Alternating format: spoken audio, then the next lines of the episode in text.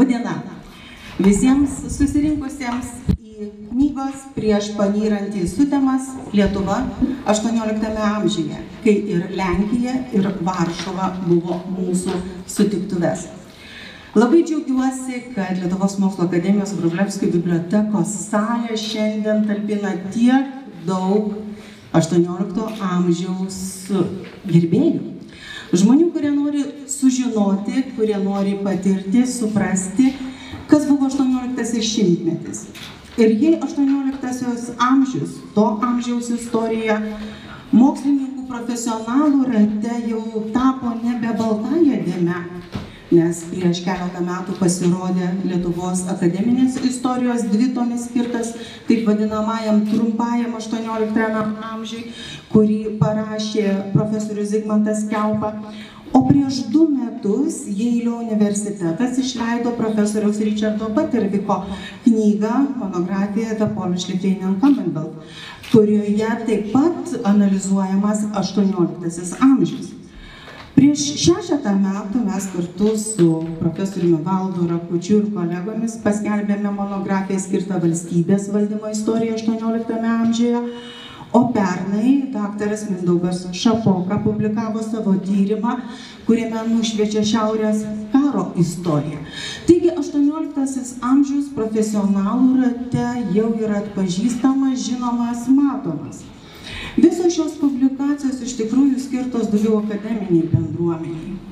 O iš populiariosios literatūros, matyt, daug kas esate skaitę Kristinos Sabaliauskaitės Silvarerum ar Kazio Almeno apjūties metą vyresniausios kartos prisimenama kaip šiena apjūtė. Taigi, tarp akademinio kalbėjimo ir populiariosios literatūros yra didelis, didelis laukas, didelis tarpas kurį užpildyti ėmėsi profesorius Valdas Rakutis, istorikas, Lietuvos Respublikos Seimo narys, Klaipėdos universiteto profesorius, kartu su savo pagalbininkė, knygos sudarytoja Žilvinė Petrauskaitė, žurnalistė ir redaktorė.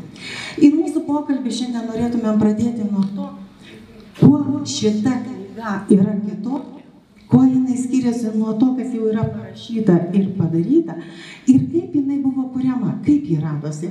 Nes labai įdomus yra vien intriguojantis jos na, atsiradimo, pati istorija, net ir rašymo topografija, apie kurią aš, mielos žydinės, norėsiu ir paklausti, nes šiandien kaip tik pokalbėje išaiškėjo, kad įdomiose vietose ši knyga buvo kuriama. Taigi apie tai, kodėl ir kaip šita knyga atkeliavo. Aš nežinau, gal valdai pats pradėsit. Labadiena, labai malonu jūsų daug čia matyti, tikiuosi neužtrusit. Sako, nėra didesnio įvertinimo profesoriui, kai atėję studentai neturi kur sėsti ir sėdasi ant laiptų. Tai čia yra kaip tik šitas, šitas atvejis.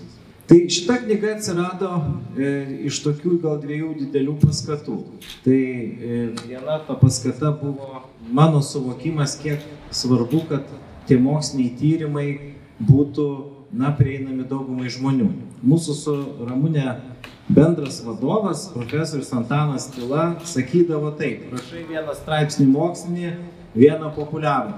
Važiuok žmonėm, dalinkis tomis žiniomis, tokia yra tavo paskirtis. Tai čia ko gero buvo ta svarbiausia dalis. Na, o antra dalis tai buvo e, visiškai konkreti. E, paskambino Alma Literos vadovė Ugnė Giesė ir sako, ar jūs negalėtumėte tai, ką jūs kalbate žodžiu, parašyti raštu. Ne, ne, sakau, baigit čia po dešimt metų, nu va į pensiją išeisiu. Tai sako, žinot, mes jau pasiruošėm tokiam jūsų atsakymui. Ir mes, sako, turim jums dar tolesnį pasiūlymą. Mes įsivaizduojam, kad tą knygą galima parašyti visiškai keistų būdų. Nu, galvoju, ką jau ten galima sugalvoti. Nu, sako, jūs tik šnekėt turėsit ir sako, mes toliau viską padarysim. Nu, žinot, kai žmogui išmuša pagrindinį jo argumentą, kad jis neturi laiko, nu, tai man jau pati ta forma pasidarė įdomu. Sakau, kaip įmanoma tą padaryti.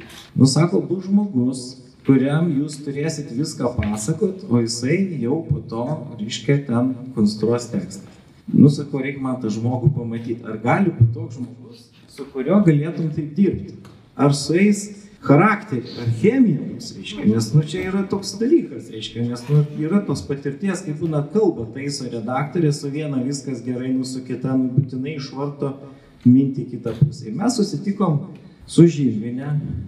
Pirmą kartą turbūt, turbūt prie Nemuno, jo, prie Nemuno, reiškia, kadangi kauniečiai pabendravom ir aš žinokit pajutau, kad ko gero galima tą padaryti. Ko gero viskas yra tvarkoj, ten, kur reikia, ten žmogus įlieja, įdeda, padaro, ten, kur, kur, kur jau ten, kur reikia žiūrėti, kad nebūtų klaidų, ten yra labai didelė pagarba. Ir mes taip pasirašėm. Bet kaip mes dirbom, tai jau pati Žilvinė papasako.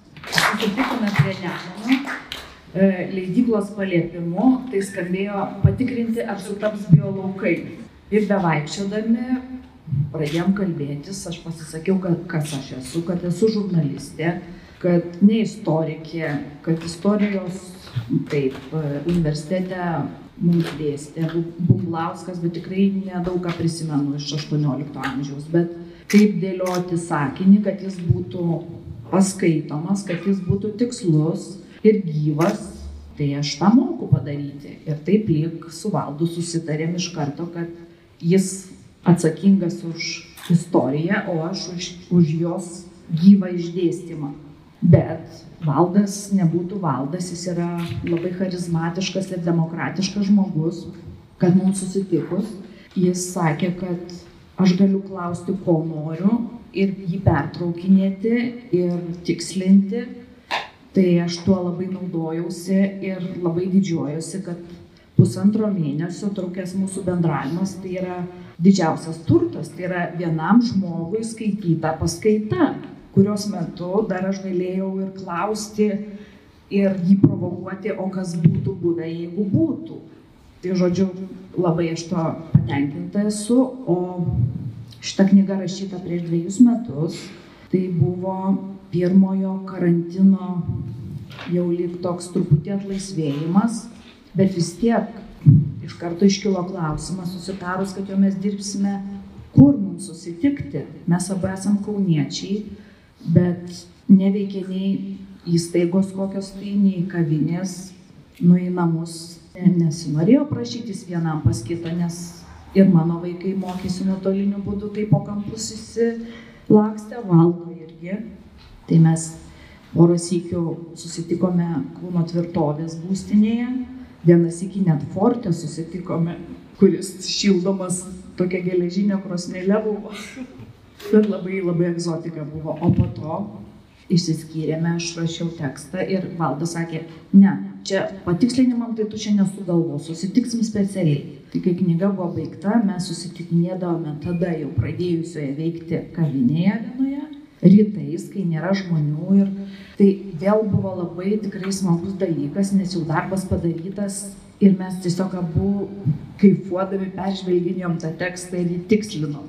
O po to valdas tapo Seimo nariu ir rengiant maketą iškilo klausimas, o tai kas parinks tas iliustracijas. Tai vienas garbus valdo bendradarbis mums labai padėjo, nežinau ar galiu čia įvardinti. Žinoma. Marijus Uzorka iš valdovų rūmų. Ir taip šita knyga jau atrodo pasiekė finišą, bet ir tai dar buvo ne viskas. Nes prasidėjo, Rusija pradėjo karą Ukrainoje. Ir teko jau visai be, besiunčiant į spaustuvę tam tikrus dalykus su labai užimtų valdų susitikti, tikslinti ir galinėme knygos viršelėje perrašyti anotaciją. Bet šiaip manau, kad šita knyga įdomi yra tuo, kad tai yra ne faktai, o tai yra tiesiog 18 amžiaus apmąstymas su labai tikrai gyvomis ir man netikėtomis detalėmis, kurias aš nežinau, iš kur valdas traukė, bet tai yra ir, ir anegdotai, ir citatos tų laikų žmonių. Tai gal iš ir labiau pasakys, nes tada mes koncentravomės tiesiog į pačio teksto rašymą. Tai tiek. Dėkojame Žilvinė ir aš vis tiek dar norėsiu jūsų nepaleisti, nors tarėmės, kad permesim viską valdui, nes jis geriausiai žino. Bet Žilvinė, e, jau apie tą topografiją išgirdome, ar nuo, nuo santakos iki trečio forto atstumas gana didelis, tarpe to buvo ir kavinių, ir kitų vietų. Bet jums pačiai, kaip knygos sudarytojai, kaip redaktoriai, kas buvo įdomiausia? Iš viso to pasakojimo, iš viso 18 amžiaus. Kodėl aš klausiu? Klausiu todėl, kad kiekvienas, kuris dar neatsivertė tos knygos, na vis tiek norės žinoti, kokį akcentą labiau pasižiūrėti. Vat jums kaip jos knygos tokiai pribūdėjai, kas buvo įdomiausia? Ką rekomenduotumėt pirmiausia pasižiūrėti? Man labiausiai patiko, kad pavyko valdą išprovokuoti įvairiems dalykams, kas būtų, jeigu būtų. Ir klausimui, kodėl, kalbant apie Rusijos elgesį. Ir dabar, kai prasidėjo karas Ukrainoje, tai visi valdo aš, nuo 18 amžiaus surašyti Rusijos veiksmai ir jų filosofija gyvenimo ir valdymo tikrai labai paaiškina visus veiksmus Rusijos. Ir, ir elgesi Putino taip pat. Ir taip pat labai svarbu mūsų diplomatijos elgesys, ką irgi valdas ten pastebi, kad mums taip pat reikėtų, būtinai reikėtų 18 amžiaus pamokas išmokti ir jomis naudotis. Ne veltui matyti reikėjo ir tą pabaigą, ir anotacijas taisyti, nes iš tikrųjų kai kurie dalykai, na, tokie pranašiški, kada žvelgi į istoriją, kuri prasidėjo prieš 250 metų ar daugiau. Na, o knygą, jos meninę vertę, jos turinį dar pajusite ir pamatysite, kad iš tiesų leidikla įdėjo labai daug darbo. Knyga estetiška, puikiai iliustruota, tekstas puikiai sukomponuotas. Ir manau, kad tai yra tas rezultatas, tą, ką valdas yra minėjęs. Yra minėjęs apie tuos tris lygmenys, kuriuos aš čia, kad nesupainiočiau, netgi susirašiau. Taigi, trys lygmenys, kurie yra labai svarbus. Tai yra žinojimas, supratimas ir pasimokymas. Klausimas iškart valdai. Kaip ši knyga praplečia mūsų žinojimą, kokį supratimą apie 18 amžių formuoja ir kokį mes galime iš jos pasimokyti. Na tai čia karo akademijai dažnai taip reikėdavo pasakoti apie mūšius, kai mes analizuodavom kad vienas dalykas yra žinoti faktus, bet žmogus žinantis faktus dar nesupranta, kas ten atsitiko. Nu, maža, tokie skaičiai tiek ir, nesupranta, kam reikalas reiškia. Ir kadangi man tenka kartais dirbti tokį labai įdomų darbą, tai yra dviračių žygiuose pasakoti, kur mes ten važiuojam ir ką mes čia matom. Tai su tuo dažnai susiduri, kad reiškia žmonės, jie kaip ir žino kažką, bet, bet kada tu pradedi pasakoti, sako, mes niekad nepagalvojom, kad esmė buvo visai kitose dalykuose, ne tose skaičiuose, ne kubiniuose metruose, ne atstumuose, reiškia, bet kažkokiam sumanime, kažkokioj naujovėje. Ir va šitas suvokimas, jisai kažkaip, žinot, mes kai mokėmės su, su Ramūnė, mes čia buvom trys tokie 18 amžiaus istorikai, tada dar, dar Vydas Dalinskas buvo, mes triulė tokie buvom, tada pati pradžia tik buvo. Tai daug ką tekdavo atrasti pačiam, nu nelabai ten iš paskaitų, nu ką, kiek ten mums ten gal, gal vienas turbūt, turbūt e, žmogus tik tai mums galėjo kažką taip daugiau papasakoti, visą kitą reikėjo iš knygų. Ir tada tu atrandi, atrandi, atrandi ir ateina laikas, kada nelabai gali kam papasakot, ką tu atradai. Nes žmogus nesupranta. Tai žinot, kaip archyve būna, sėdi, sėdi, žmogus juoktis pradeda ir visi taip sužiūra jį, nu jis jau ten kitam amžiui gyvena, reiškia kažkokį juoką perskaitę. Tai va yra tas pats, kad tu jau nebegali niekam papasakoti, nes konteksto žmonės nežino. Kai manęs paklausdavo, kokia yra mano disertacijos tema, sakydavo 18, nu ten konkrečiai ketverių metų Seimo Lietuvos kariuomenės reformas, jūsų klausimas, o ką Lietuva dar kariuomenė turėjo 18 amžiuje? Nu tada supranti, kad viską, ką tu papasakosi, tai bus tas pats, kai kalbėtum apie kosminį erdvę ir, ir tas galaktikas, kurių žmogus nemato. Ir tas suvokimas, kad reikia galbūt papasakoti, dar sustiprėjo po to, kai mūsų kolega Liudas Glemža, bet iš kažkokio konferenciją, kurį ten mūsų sako, tu gal tai gali papasakoti tai, kad tu savaime žinai, bet sako, mums tas neaišku apie kasdienybę. Nu ką žmonės valgo, kaip jie ten atrodo, tokius, žinot, paprastus dalykus. Ir aš tada supratau, kad kartais ne tik reikia, žinant Lenkijos istoriografiją, kažką naujo pasakyti, bet kartais reikia žmogui paaiškinti, nu, kuo tie žmonės gyveno ir ką jie ten labai įsivaizdavo. Tai ateina tada supratimas, kad reikia to suvokimo, kas ten buvo ligmuo, reikia juo pasidalinti ir papasakoti, va tokiom formom apie tai, kas tiem žmonėm buvo savaime suprantama, o šiandieniniam žmogui visiškai nežinom. Na, pateiksiu vieną konkretų pavyzdį. Nu, pavyzdžiui, visi ten sako, nu, Čartoriskų reformos 1794-5 metai. Nu, kodėl jie va taip darė, o naip nedarė? Gerbimieji, mūsų valstybė nebuvo laisva, jinai buvo užvaldyta rusų, ten prižiūrėjo ją konkrečiam trumpo pavadžio, bet jie vis tiek sugebėjo tas reformas padaryti. Nu, ten tokių kosminių būdų. O jeigu tu užmiršti, ir netgi kai kurie mūsų kolegos istorikai, jie tyrinėja tas reformas, tarsi ten laisvi žmonės, ką norėjo tą darė. Nu tai ne, tai mes sovietmečiu irgi kai ką sugebėdavom padaryti, nors mus ten ir prižiūrėjo ir visą kitą pavykdavo. Bet jeigu kas nors pradėtų vertinti mūsų sovietinius tekstus, neatsižvelgiant į sovietinę okupaciją, Nu tai sakytų, kokie sovietikai, ne, kai ten rašo, marksizmą kažkokį naudoja. Tai vad, tam, kad žmonės suprastų, kiek tos laisvės mes turėjome, kiek mūsų visuomenė save suvokė, kiek ten tarptautinė ta aplinka veikia tą. Tai čia ir yra ta knyga, dėl ko jinai va, taip sudėlioja tuos prioritetus. Na, o ar mes ką nors pasimokysim iš to, Tai aš jums pasakysiu taip, aš visą gyvenimą turiu tokią traumą. Kada žmonės tyrinėja kokį nors normalų laikotarpį, nu tai ten kažką laimėjo, kažką pralaimėjo, kokios nepriklausomybės kovas, nu vis tiek finaliai žinai, kad laimės. O įsivaizduojat, kai turi jaustis 18 amžiaus istorikas, kuris žino, kad vis tiek yra nebus. Ir ką jie ten bedarytų, ką tu betrastum, vis tiek baigsis baisiai. Ir ta trauma, bet tada aš supratau, kad ta trauma, kada tu išgyveni, tai tu turi tokį žinojimą, ko neturi žmonės kiti, kurie to nematė. Ir tu sakai, jeigu mes to ir to nedarysim, tai bus taip ir taip. Tai va šitas žinojimas kartais versdavo mane labai aktyviai reikštis įvairiuose erdvėse, ypatingai su studentais ir su kariūnais, nu kad tiem žmonėm atsivertų akis. Aišku, jiems tos akis neatsivėrė, nes jie kito neskaitė šitos knygos, bet jums gali atsiverti. Ta reklama pusė darbo, aš manau, kad tikrai kiekvienas išeis iš šito pristatymo su knyga rankose. Bet vis tik, valdai, pasakodamas istoriją, tu pasakoji taip, kaip tu ją matai, o tu matai ją su tuo, kaip sakyt, po trauminiu žinojimu. Nes iš tikrųjų, kodėl mes tą žodį traumą kaip naudojame, nes labai sutampa tie dalykai, kadangi kaip tik šiuo metu vyksta tarptautinė konferencija skirta Leonido Donskio atminimui ir jos tema yra trauminės patirtis ir gyvenimas gyvenimą su trauminėm patirtim.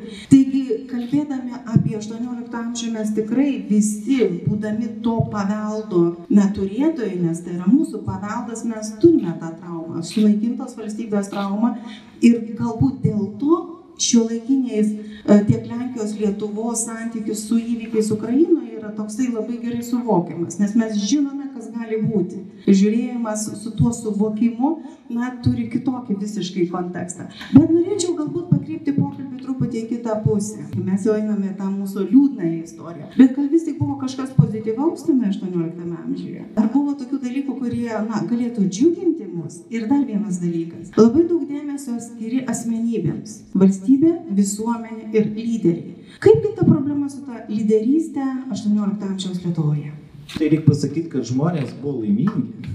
18 amžius yra laisva valstybė. Ta prasme, nebuvo, e, žinot, tokio, kad jau jie ten žinojo, kad blogai baigsis. Nu, ne, tai žmonės gyveno laisvą gyvenimą, turėjo laisvas institucijas, rinkimus turėjo, važiuodavo į tos įimus, dalyvaudavo politiniam gyvenime, ten žemės įgimdė ir visa kita. Ir iš to mūsų vieno pristatymo mane labai nustebino reakcija vienas žmogus. Sako, aš tik dabar supratau, perskaitęs tą knygą, tiksliau išgirdęs pristatymą, kad sako, 18 amžiuje mūsų valstybė buvo užkariauta. Man iki tol atrodė, nu tai ten kažkas kažką patalino. Bet mūsų tai neliečia. Čia kažkas kažką padalino, tai įsivaizduojate, reiškia, kiek mūsų sąmonė sujaukta, kad mes net nesuprantam, kad mes praradom laisvę. O būtent prieš panyrantį sutemas, tai buvo laisvė, žmonės buvo laisvi, jie turėjo galimybę ir jie jautėsi laisvi. Tas jų jautimasis, jisai yra kartais labai skirtingas nuo mūsiškio jisai tas suvokimas, kas yra laisvė, kas yra ten, tai ten kitaip pas juos yra. Ir kito, per 18 amžių labai ženkliai kito, nes iki kokios baro konfederacijos žmonėms atrodė, kad gyvena pačioj geriausiai valstybei pasaulyje, kur yra vieninteliai tikroji laisvė, kur galioja įstatymai, o aplinkui visi skęsta absoliutinių diktatūrų, despotijų liūnė ir mes gyvenam gerai, nes prieš tai 17 amžiuje buvo ištisiniai karai. Ir žmonėm, nu tai aišku, iki šiaurės karo pabaigos, iki 1700, sakykime, kokių dešimtų metų mes dar esam karo zonai, paskui jau kaip ir iš jos išeinam ir ateina ilgalaikė taika. Ten tokie nedideli kari, kareliai vyksta, bet jie tokie neženklus, reiškia, neapimantis. Tai žmonėm atrodė, kad geri laikai. Ir tas posakis, zakrūlė sąsa, išpiai papuščiai pasą, už karalių saksą, gerk, valgyk ir atsileisk diržą, tai rimtai žmonės taip gyvena. Geri buvo laikai, atsidūrusio dvaro sargas. Ne? Tai va šitas dalykas, reiškia, yra su žmonių savoka ir tuo metu visiškas valstybės neįgalumas. Tai tas didžiulis, reiškia, skirtumas tarp žmonių įsivaizdavimo ir kada, reiškia, tą valstybę reikia reformuoti, nes iš tikrųjų tai yra labai blogai, valstybė silpna, neturi jėgų, realiai su ja niekas ten nesiskaito tarptautinė erdvė. Reikia daryti reformas, bet pirmas darbas, ką reikia padaryti, reikia įtikinti piliečius, kad reikia daryti reformas, kurie gyvena geriausioje valstybėje pasaulyje.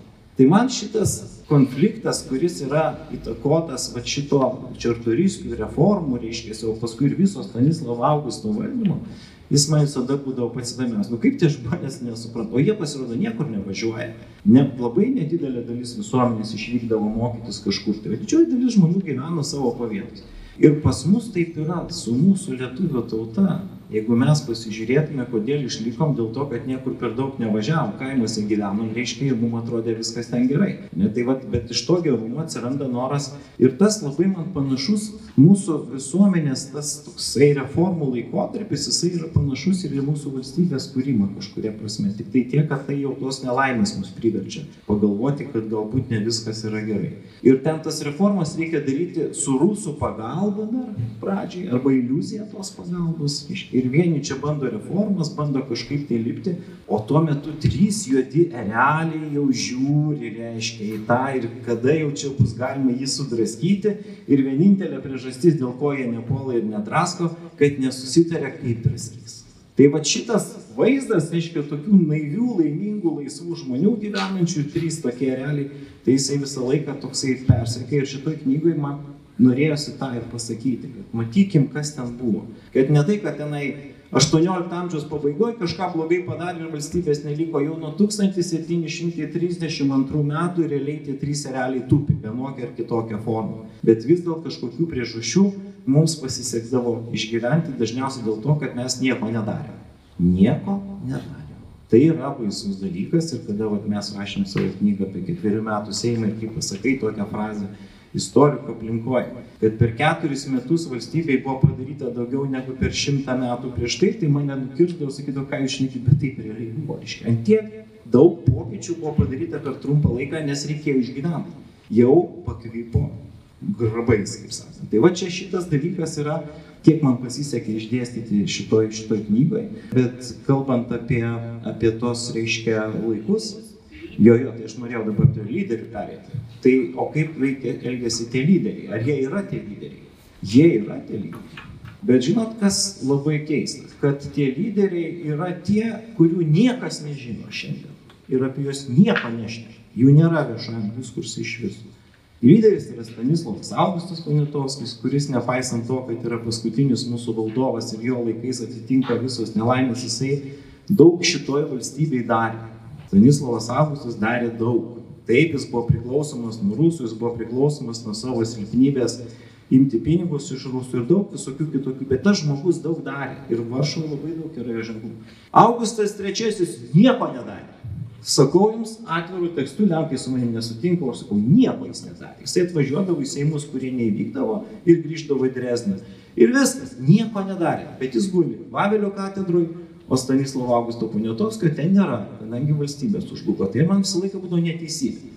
Taigi didelė dalis tų problemų buvo iš Augusto trečio laikų. Ten nieko nedarė, reformų nebuvo, mokesčių nedidino, kariuomenės nedidino, aišku, jam niekas jo ir nepuolė už tai. Tai žinot, man kaip aktyviam žmogui visą laiką likimo ironija. Baudžia tą, kuris dirba, o ne tą, kuris sėdi ir nieko neveikia. Tarsi nieko neveikimas nebūtų nusikaltimas. Tai kalbant apie lyderius, vis tik Stanislavas Augustas Poniatovskis.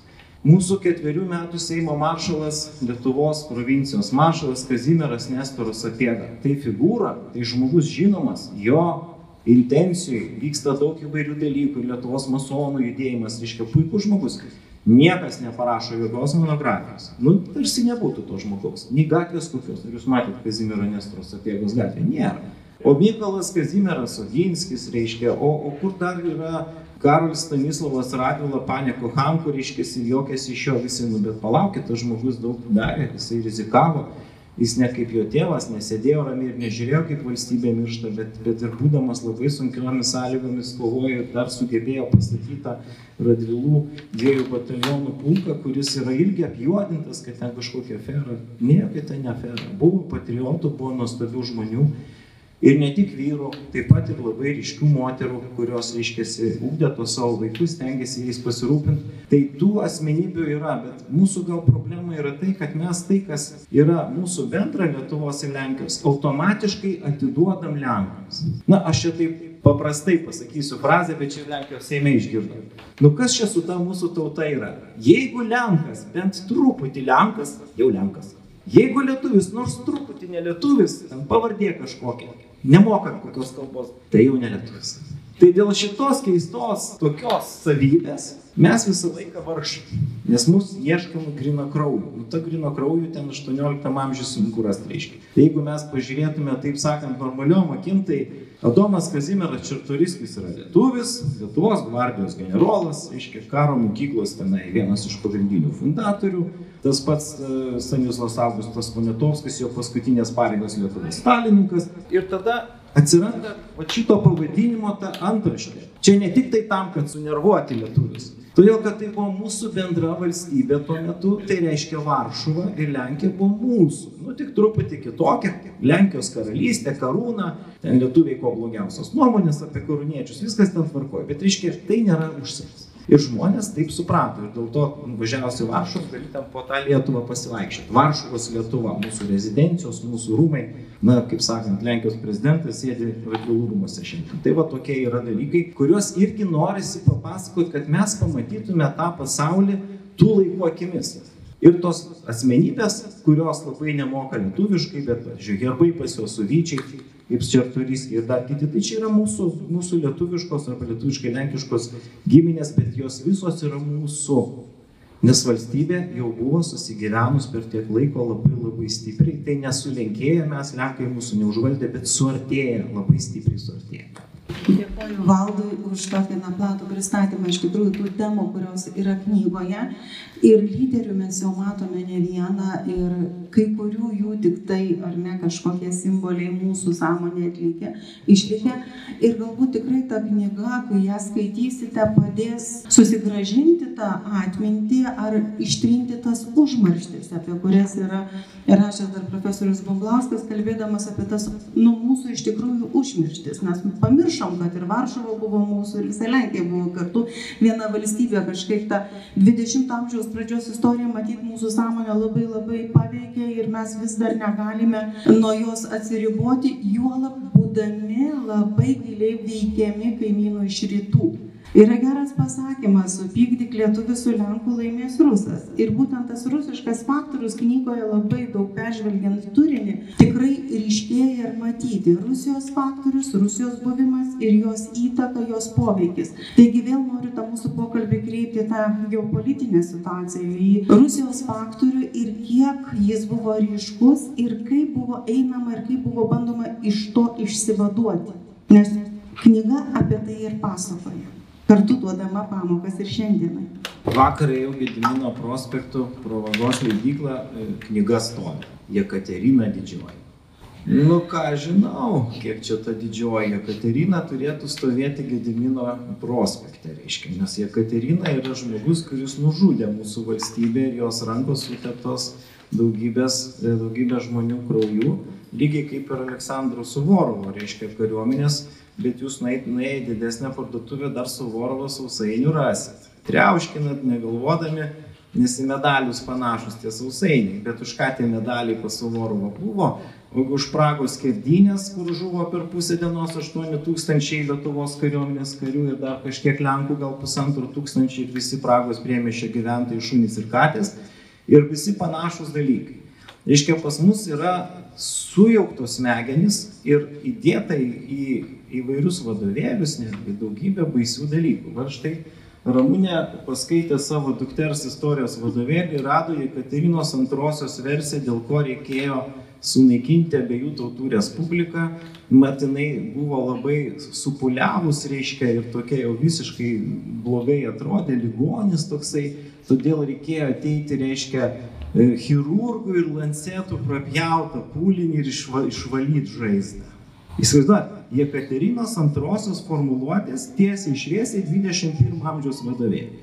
Tai vad, kai ką reiškia nežinojimas savos istorijos, reiškia tau supainė pliusą su minusu ir tada tam viskas atrodo kitaip, arba garsusis šūkis reiškia čia jau tarpukario, targovičienai patriotai. Atseit reiškia Lenkai užgrubė Lietuvą, parašė gegužės trečios dienos konstituciją, o štai targovicininkai reiškia su, e, su, su Kosakovskio etmonu prieš akį išgelbė, bandė gelbėti Lietuvą. Nugerbėmiai, ten visiškai atvirkščia istorija, reiškia. Ten iš tikrųjų, ta, kai rašė konstituciją, ten ne tik Lietuvos nėra, bet ir Lenkijos karalystės ten nėra, ten yra Lenkija bendražodis.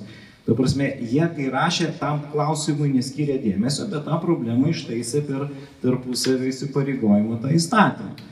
Bet kad targovicininkai ieškojo, kokiu pretekstu rusams užpulti, tai jie ieškojo visokių priežasčių ir sugalvojo sužaisti štai šitą kortą, reiškia, ir tada tą įrašė, bet tai Peterburgė surašytas Targovicos konfederacijos aktas, tai yra iš esmės tas pats, kas yra Donetsko ir Luhansko liaudės respublikos. Nu tai kažkaip taigi reikia viską apiforminti, kažkokia tarpinė būsena turi būti. O mūsų reiškia galvose, tai čia ne šiaip savo galvose, bet akademinėse galvose buvo jau įtvirtinta, kad reiškia ten tie targovicininkai galbūt Lietuvą gelbėjo. Ir mes turėjom labai rimtą diskusiją tuo metu pedagoginiam Lietuvos psichologijos universitete su kitų laikotarpių istorikais, kuriems paskui faktais įrodėm, kad jie čia daro esminę klaidą. Negalima žmogaus, kuris su Rusijos kariuomenės uniforma priekį atlydi Polocko korpusą ir užima Vilnių vadinti Lietuvos patriotu. Tai tada jau, žinot, kapsukas jau tada jau didesnis patriotas. O čia reiškia, nu tiesiog akivaizdus Rusijos pastatytas žmogus. Tai va čia yra tie dalykai, ką ta knyga bando gydyti, nu atkreipti žmonių dėmesį. Štai vienas iš pristatymų žmonių pasakė tokį dalyką. Sako, o tu žinai, sako, Petro pirmojo ta žmona, Jekaterina pirmoji, taigi lietuvė buvo. Nu ir kas, sakau, kad jinai buvo Lietuvoje gilus. Tai kas čia džiaugtis mums dabar reikia? Didžiuotis. Taigi eina kalba, einagi kalba ne apie tai, eina kalba, kad tuo metu vyko šiaurės karas, kuriuo metu, reiškėsi, e, Lietuva su Rusija nekariavo, bet, bet įvyko švedų rusų e, mūšis prie Poltavos, kuris iš esmės pakeitė geopolinę situaciją Ir Augustas II valdžią atgavo iš Petro I rankų kaip dovana su savaime jau ir tam tikra priklausomybė, kuri buvo, na, ten bandoma paskui įtvirtinti visokiais būdais, iš karto nepavyko, bet ta prasme jau Rusijos erelis jau prieš mus tūpė nuo 1717 metų, tik tai tai, kad su saksais jie nelabai ten gali dar mūsų virškinti ir šiaip ten Rusija labai silpna. Tai va čia yra tokie dalykai, bet tai yra to proceso pradžia. Rusijos dominavimo pirmos pirmieji žingsniai, kurie paskui stiprės jau vėlesnės epochos. Tai ta Rusija, ne jinai viena, yra ir Prūsija. Dvi pagrindinės valstybės, nes Prūsijai reikia sujungti savo žemės. Prūsija su Brandenburgu, čia kaip tik Lenkija per vidurį, nu tai jinai nori kaip nors, geras žodis, suapvalinti sieną. Taip vadinasi, suapvalinti. Nu tai vieni apvalina, Kiti sako, mes jau ir taip kontroliuojam šitą šalį, tai nesusitarė, kiek čia apvalinti, o kiek sukontroliuoti ir dėl to mes taip ir sėdim, reiškia. Ir taip gaunasi toksai keistas dalykas, kad Rusija pateikdavo save, čia jau Jekaterinos gebėjimą, mes jūs ginam nuo Prūsijos invazijos. Iš čia atsiranda terminas najesneišo imperatoro, šviesiausia imperatorė. Privalomai rašyta ant visų dokumentų buvo šitas terminas 18 amžiuje visur rašydavo taip nes jie jau yra šito krašto suverenas, bet šita nedrausminga tauta vis dar nesupranta, kad kam jinai turi būti dėkinga už savo egzistavimą, todėl, nu čia aš jau pakalbu, kaip Jekaterina dėlioja tos daiktus. Tai jūs supraskite, kokiam jie iš, iškreiptų veidrodžių pasaulyje gyveno, bet dar ir tebe gyvena šiandien. Nes daugam atrodo, kad čia gal ir neblogai buvo, tai net nuo Lenkų išvadavo. Tai nuo Lenkų niekas neišvadavo, nes Lenkų, lenkiškumas niekada taip nesu, nesuklėstėjęs buvo Lietuvoje kaip XIX amžiaus pradžioje. Tada bendroje kovoje prieš rusus jau nebuvo labai buvo svarbu, ar tu lietuvis ar lenkas, buvo svarbu laisvė. Taip jau yra. Tai, o tais laikais ankstesniais, nu niekas ten tų lietuvių neįstumė, labai ir protegavo, nu, kaip buvo, taip žmonės taip, taip tradiciškai ir gyvena. Tai apie tas kalbas dar gal kelius žodžius aš irgi pasakysiu, jeigu leisite gerbiamoji. Tai, žinot, kokia kalba kalbėjo žmonės. Kalbėjo ta, kurie ir šiandien mes visi kalbam savo namų kalba, bet viešoji kalba buvo Lenkų kalba, kurioje buvo labai didelis procentas lotynų kalbos. Kuo arčiau 17 amžiaus, tuo daugiau. Kai kuriuose tekstuose 20 procentų lotyniškai. Nes nebuvo įsivaizduojama, kad kalba yra kažkokia ideologinė priemonė, reiškia, nu, tai kaip jau yra, taip yra. Bažnyčiose pamaldos vykdavo daugiausia lotyniškai. Nu, ta prasme irgi ne, dominavo lotynų kalba, ne, ne, ne lenkų. Lietuvos kariuomeniai dominavo polonizuota vokiečių kalba. Kadangi su Saksonija bendra kariuomenė reguliavimus naudojo, tai komandos yra, na, visokios ten visokias sulenkintom uodegom vokiečių kalba. Tai va čia yra tas kalbinė situacija, lietuvių kalbos buvo nedaug, bet jinai niekur nebuvo dingus ir Kosiuško sukilimo metu reiškia, kai reikėjo kreiptis žmonėms suprantamą kalbą, išėjo lietuviškas atsišaukimas. Kai mūsų sovietmečių mokino lietuvių literatūros, tai mes skaitydavom tokį, žinot, leidinėlį Roma atverta inkviečiansti. Nu tai Jėzus ten paskaitai, neina ten supras, kas ten per kalbą, bet paaiškėjo, atidžiau patyrinėjus, čia kolegos literatūros tyrinėtai, kad tą bromą parašė Lenkas, kuris atseit mokėjo lietuviškai. O, o jau atsišaukimą rašė lietuviai, tai dėl to, reiškia, skiriasi iškart kalbos pobūdis. Nu tai dabar irgi mes paprašytume kokio nors šiek tiek pabuvusio Lietuvoje žmogaus, kad jis kažką parašytų. Tai čia yra daug dalykų, bet esmė tokia, niekas lietuvybės ten nespaudė, jokio užsakymo nebuvo, niekas iš vis tais dalykais tuo metu per daug nesirūpino ir dėl to taip paprastai viskas ir atrodo. Tai yra ilgalaikio gyvenimo vienoje valstybėje tiesiog pasiekmes. Ir dėl to kažkokio Lenkų bandymo užvaldyti Lietuvą nėra, nes jau nusistačiusios yra taisyklės, dar iki 17 vidurio taip, taip pasi, pasivaržydavom, nes, nes būdavo tokių bandymų, o paskui nu, tas prarado aktualumą, nes jau tapo tradicija nustatyta ir viskas. Dėkui, valdai, perėjau ir tą kalbinį aspektą, kurį ketinau aptarti, bet aš vis dar grįžtu prie tos geopolitikos. Man labai aktualu ir svarbu. Rusija, Prūsija, aišku, ar ne? Bet ar turėjo abiejų tautų respublika draugų? Ar turėjo sąjungininkų, su kuriais galėtų projektuoti kažkokią kitą ateitį, bandant išsivaduoti iš Rusijos protektorato? Vienas buvo.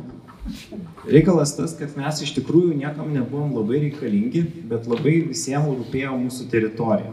Nu, kaip sakant, kaip man dėdė sakydavo mažam, kur tu vakarė dėdi batukus, jie labai gražus, kai įsimego Nu tai va, tai čia panašiai reiškia. Mes tų draugų labai iškių neturėjom, turėjom daug konkurentų, o to taip pat ir priešininkų. Šiaip pagal natūrą tikrasis mūsų sąjungininkas turėjo būti Austrija. Tuo metu dar ne Austro-Vengrija, vadinasi Austrija arba tiesiog Šventosios Romos imperija. Todėl, kad tai buvo katalikiškas kraštas ir mūsų visą laiką valstybė mane, kad mūsų saugumo garantas yra va šita Habsburgų Austrija.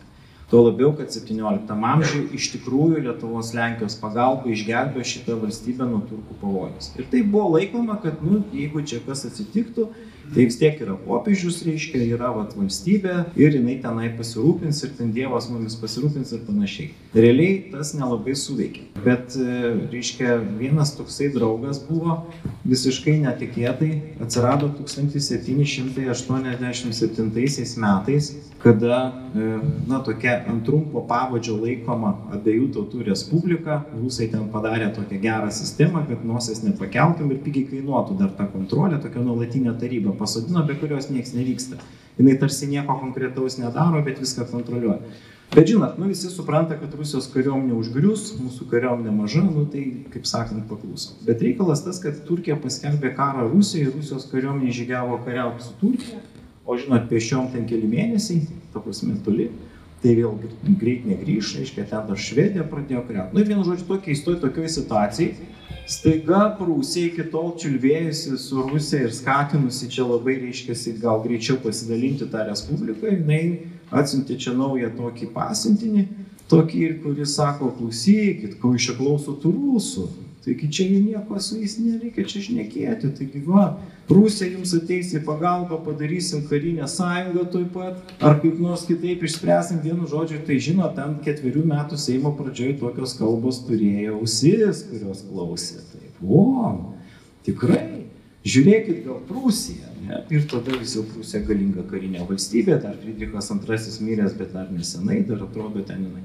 Nu ir mūsiškiai, kaip sakant, jau ėmė klausyti, kas jiem yra sakoma ir labai rimtai. Ir iš tikrųjų 1790 metais buvo pasirašyta gynybinė sutartis su puolamaisiais elementais. Iš principo atrodė mums labai gerai, tai yra jeigu mūsų kas nors užpuls, atžygios Prūsijos kariuomenės 400 tūkstančių ten rimtų pėstininkų, nu tai jau šis tas, reiškia, žinant, kad jie ten stipriausi pėstininkai tuo metu galbūt Europai buvo. Ir, reiškia, mes čia tuoj susiorganizuosim tą kariuomenę šimto tūkstančių ir viskas, jau Maskvė, Maskva daugiau šimto tūkstančių ten nelabai pastatys. Aišku, kas buvo gilesnis supranta, už dyką nieko nebūna. Ten realiai jie tokį planelį turėjo, tokį reiškia, tai padaryti, kad sukeisti visiems žemės, kad jiems liktų didelis gabalas, o jiems kariauti nereikėtų. Nu, jie ten tokį sugalvojo perstumdymo planą čia labai ilgai, ilgai pasako.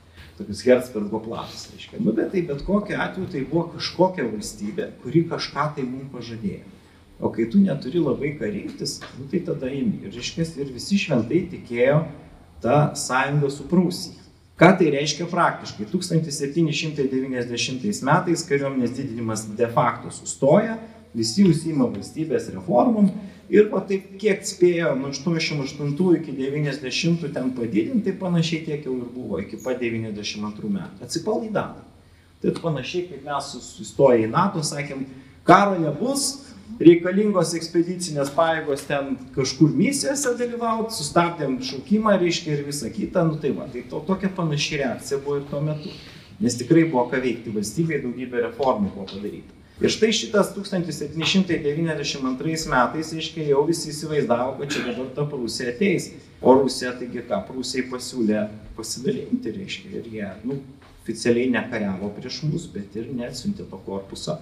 Tai, kaip sakant, yra Lenkijoje dvi mokyklos. Viena sako, taigi iš anksto aišku buvo, kad Prūsija apgaus. Nu, negi jie dabar čia tai pasiūlys. Nu, jie čia kažkokią naudą turėjo, jiems pasiūlė geriau ir, ir tai pasibaigė. Tai čia yra vadinamoji, reiškia, Krokovos mokykla, kuri sako, kad iš viso čia nereikėjo tais prūsais tikėti, reikėjo tyliai sėdėti, ramiai, ava gal Jekaterina būtų mirus, gal būtume kaip nors pratempę ir viskas būtų gerai. Tai čia viena. O kita Varšuvos mokykla sako, ne, ne, tai čia nepakankamai karingai buvom nusiteikę, reikėjo dar stipriau nusiteikti, būtume sulūpę mes tus rusus ten beveik ir būtume ten nu biški nelabai galėtume, bet gal kas nors, kai būtume kariavę, tai gal būtų ir padėję, nu vien žodžiu, tai dvi tokios mokyklos. Tai mane žinot, kas žavė, kad Lietuvoje iš vis nėra diskusijos, kodėl pražuvo Lietuvos didžioji kunigaikštystė. Iš vis toks klausimas nėra keliamas. Daugelis net nežino, kad 18 amžiaus pabaigoje dingo valstybė nuo žemės paviršiaus. Mes net nediskutuojame priežastis, Tai XIX amžiuje Lenkijoje vyksta diskusija, o pas mus visuomenė net nežino iš jūs, kad ten kažkas buvo. Tai įsivaizduojat, kokia yra didžiulis skirtumas ir tada tu pradedi diskutuoti, na, tokiam paprastam žmonių tarpe, tai yra, yra iš tikrųjų sunkus klausimas. Bet jūs paklausėte, aš kurią mokyklą atstovauju. Žinokit, mėčius, studijų metais, tai ten kalinkas skaitai vieną pusę, paskaitai ten lojaką kitą pusę, reiškia, ir taip dėlioja, taip dėlioja. Tai aš tik tai tiek galiu pasakyti, kad aš tikrai būčiau ėjęs kariauti ir būčiau tuo metu už tai, kad mes geriau bandyti ir daryti ir žūti su kardu rankom, negu ten kažkaip tai galbūt pratemti, kolaboruoti, nes tiesiog būtų suvirškinę tyliai ir net nebūtų nieko likę. O kada ta kova buvo, tai paliko legendą kovos. Ir kas 30 metų XIX amžiui vyko kova už tos valstybės atstatymą. Jau paskui 20 jau pasikeitė mūsų vizija. Bet dar 19 iki 63 metų sukilimų iš esmės dar buvo kariaujama už senąją, už senąją valstybę ir kaip užės trečios dienos konstitucijai. Tai mano atsakymas būtų teisingas toksai.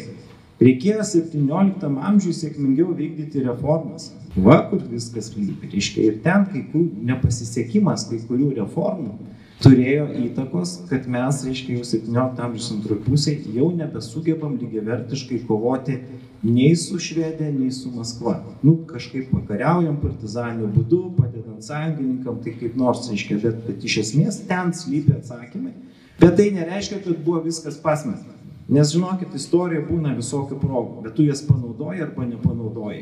Bet jeigu mėgi, tai garantuotai gerai nebus. Ačiū už paskaitą, valdai, bet vis tiek dar noriu paklausti, vėlgi į tą patį daržą. Sakai, kad, na, eitum kariauti, bet dabar e, Varšuvoje e, esančio Lenkijos mokslo akademijos istorijos instituto mokslininkas daktaras Adamas Danilčikas jau skaičiuoja, kiek galėtų ir ta tikimybė būtent apie 1792 metų karą. Ir jo toks vertinimas yra, kad vis tik galima buvo laimėti jeigu aišku būtų pasitelkta ne tik bajorija bet ir visos visuomenės pajėgos valstietija ir taip toliau. E, klausimas mums būtų ne, ne tik apie tą karą buvo galimybė laimėti ar ne bet apie didžiosios britanijos poziciją.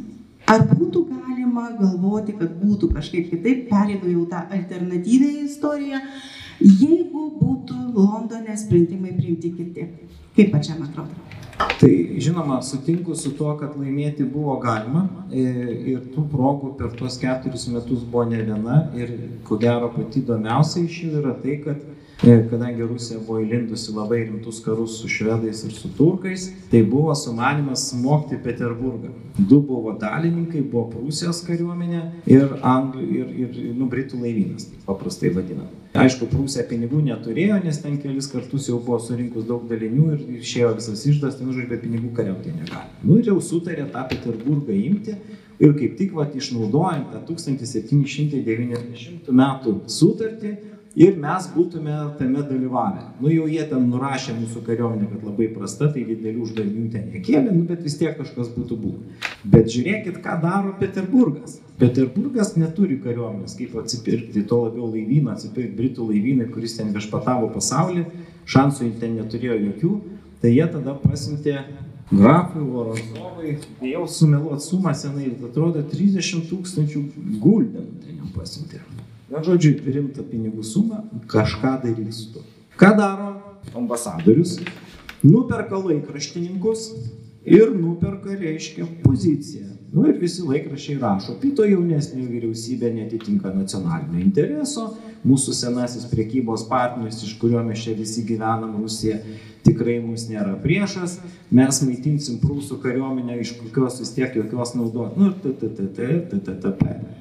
Ir baigėsi karas karo nebuvo. Tai mums šitas absoliučiai nežinomas ir šiaip atrodo epizodas yra mirties nuosprendis.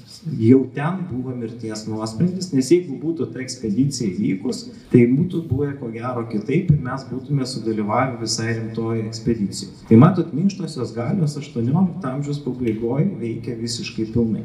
Tai štai to knygoje irgi yra aprašytas va tas dalykas, kad reiškia yra ir tokie dalykai, kurie suveikia. Ir aš manau, kad mes iš tikrųjų, bet kaip pasakyti, kiekviena tauta yra savosios ideologijos vergė.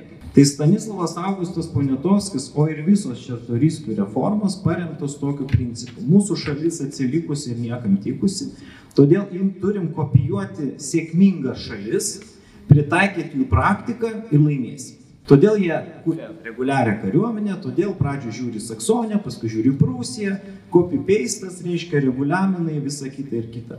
Ir ką tai duoda, nieko neduoda. Už tai, kad Prūsija kitokia valstybė, ten tų kareivių pas juos yra daugiau, reiškia ir visa kita. O Tadas Kusiuška nuėjo visai kitų kelių. Jisai pasižiūrėjo, kokios jėgos lypi šitoj visuomeniai ir pradėjo kalbėti šitos visuomenės kalba. Jisai ką pasakė žmonėms, reiškia, Jis priminė kovas už laisvę, poetinių žodžių pakėlė tą patriotizmą, apginklavo visą visuomenę, nu kas, kad turėjo to apginklavo ir tada gimė didžiulis nacionalinė kariuomenė, tokia, ką mes šiandien matom Ukrainai. Iš esmės tais pačiais būdais ir štai Tado Kusiuško sukilimas, nors įvyko tik du metai po to nelaimingo 1792 metų karo, jis tapo ženklus didelis karas, na, kuris mums nepasisekė, bet mes tai padarėm rimtai. O kas ten keli mėnesiai, nieko gero, nei vieno mūšio nelaimėjo, nu tai taip, už tai, kad Rusijos kariuomenė patyrusi ir jeigu reguliari kariuomenė prieš reguliarią mes neturim šansų. Nu įsivaizduokit, mūsų ta kariuomenė tokia va staigiai padidinta ir dar ne iki galo ginkluota 64 tūkstančiai, o čia įžengia Rusijos kariuomenės, nu, sakykime, 100 tūkstančių kareivių tiesiai iš Turkijos fronto. Nu, tai ten, ten, ten, nu, jie patyrė kareiviai. Reguliariai, tai 25 metam paimti ir, ir mes šansų neturim. Lietuvos santykis yra iš vis milžiniškas. Prieš Lietuvą džiugėjo 33 tūkstančiai, mūsų tik tai 14-12, kaip skaičiuosi. Tai supranta, čia yra kokybiniai ir, ir kiekybiniai skirtumai. O jeigu būtų 92-aisiais, Jie ten kokie nors karalius būtų taręs bajorai pagal visuotinį šaukimą, visi stoja su žirgais, nesvarbu, kad įstatymas 16 amžiaus, bet jie, bajorai, tam buvo pa- paruošti- ruošiami mentaliai, kad taip gali atsitikti. Nu jisai negalėjo, nes jisai yra kopijuotojas. Mūsų valstybė šiandien yra kopijuojanti valstybė ir niekaip nesupranta, kad tai, ką mes turime savo, tai yra labai svarbu. Ir kad mes tam tikras patirtis turim pritaikyti mūsų vidiniam mentalitetui, kuris nieko neprastesnis už kitą mentalitetą. Tai va, išmoktos pamokos.